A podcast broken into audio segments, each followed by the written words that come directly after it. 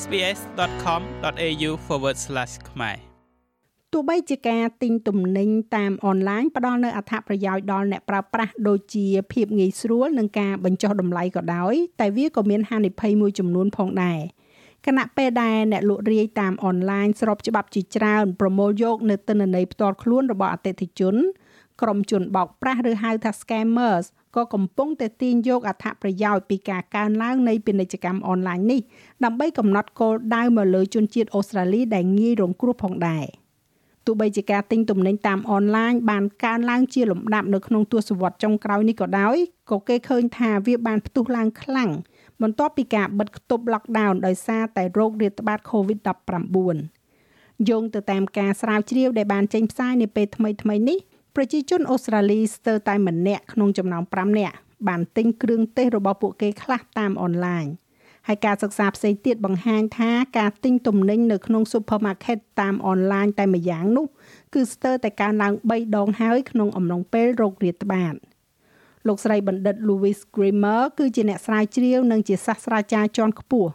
លោកស្រីនិយាយថាទោះបីជាអ្នកលក់រាយធំធំមួយចំនួនមានហាងអនឡាញល្អៗនៅមុនពេលរោគរាតត្បាតក៏ដោយ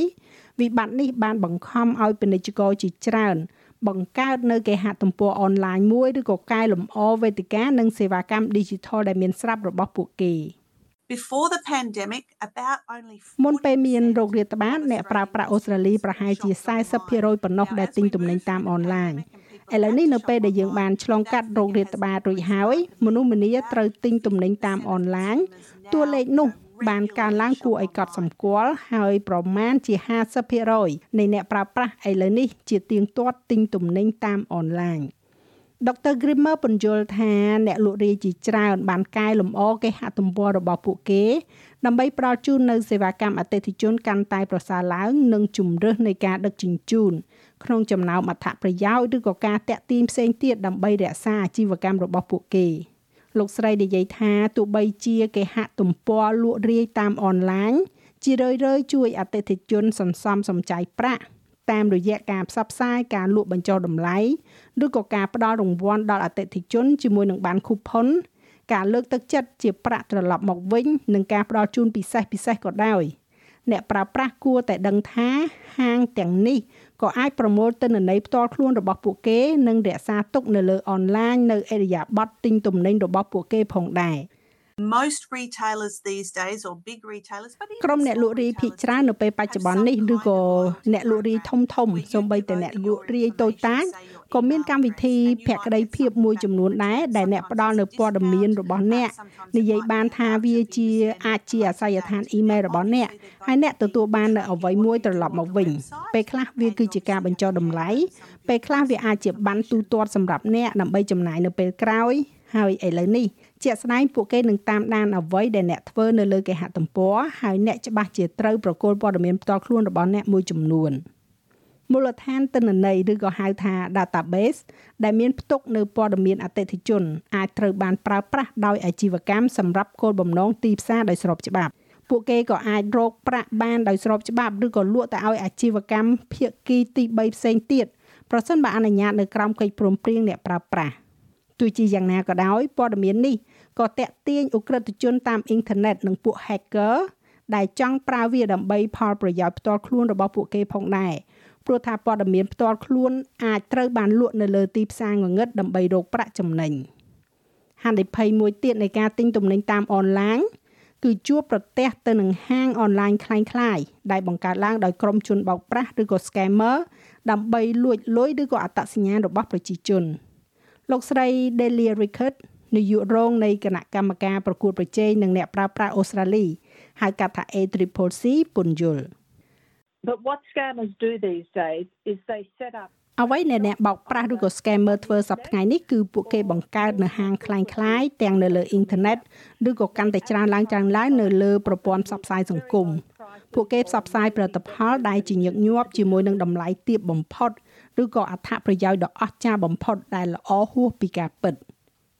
លោកស្រីរិខិតនិយាយថាប្រសិនបើគេហទំព័រនោះស្នើសុំនៅព័ត៌មានមិនធម្មតា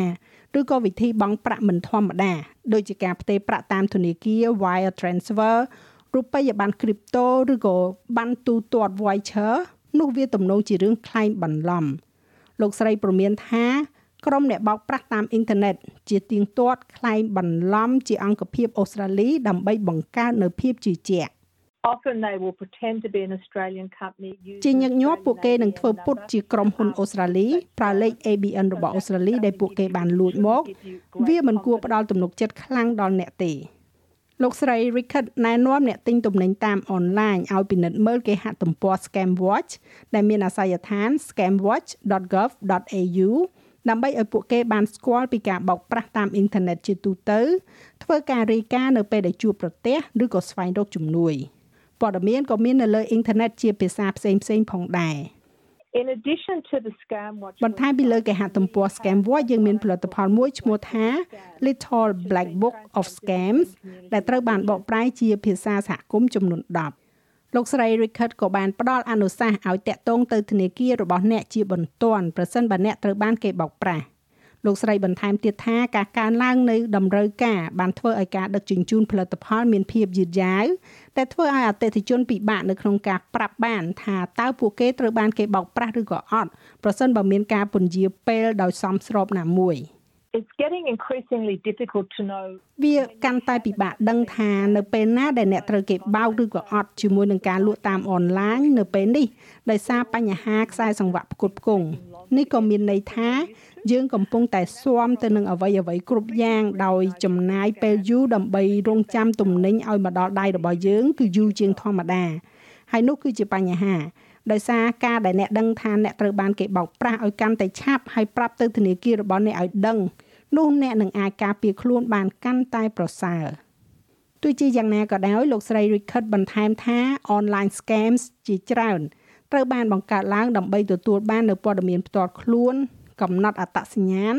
ដូចជាឈ្មោះអាយុនិងអាសយដ្ឋានជាដើមហើយព័ត៌មានដែលស្វែងរកបន្ទាប់គឺលេខប័ណ្ណបើកបរនិងលេខលិខិតឆ្លងដែនការបោកប្រាស់ទាំងនេះត្រូវបានប្រើប្រាស់ជាទូទៅដើម្បីលួចអត្តសញ្ញាណរបស់ប្រជាជនលោកស្រី Rickard ជំរុញឲ្យនរណាម្នាក់ដែលត្រូវបានគេបោកបញ្ឆោតឲ្យផ្ដល់នូវព័ត៌មានផ្ទាល់ខ្លួនណាមួយនោះតាក់ទងទៅខាង Scam Watch ឲ្យបានលឿនតាមដែលអាចធ្វើទៅបាន។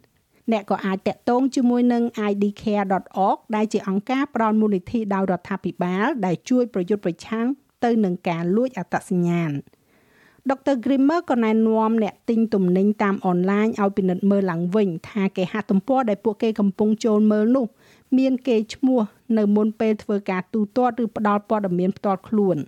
So you can see over on your browser ដូច្នេះអ្នកអាចឃើញនៅលើ browser របស់អ្នកដែលអ្នកអាចទទួលបាននៅ URL របស់អ្នកលក់រាយ សូមប្រកាសថាមាន icon រូបមេសោតូចមួយព្រោះនោះមានន័យថាវាគឺជាគេហទំព័រសវត្ថភាពដែលអ្នកកំពុងទិញទំនិញ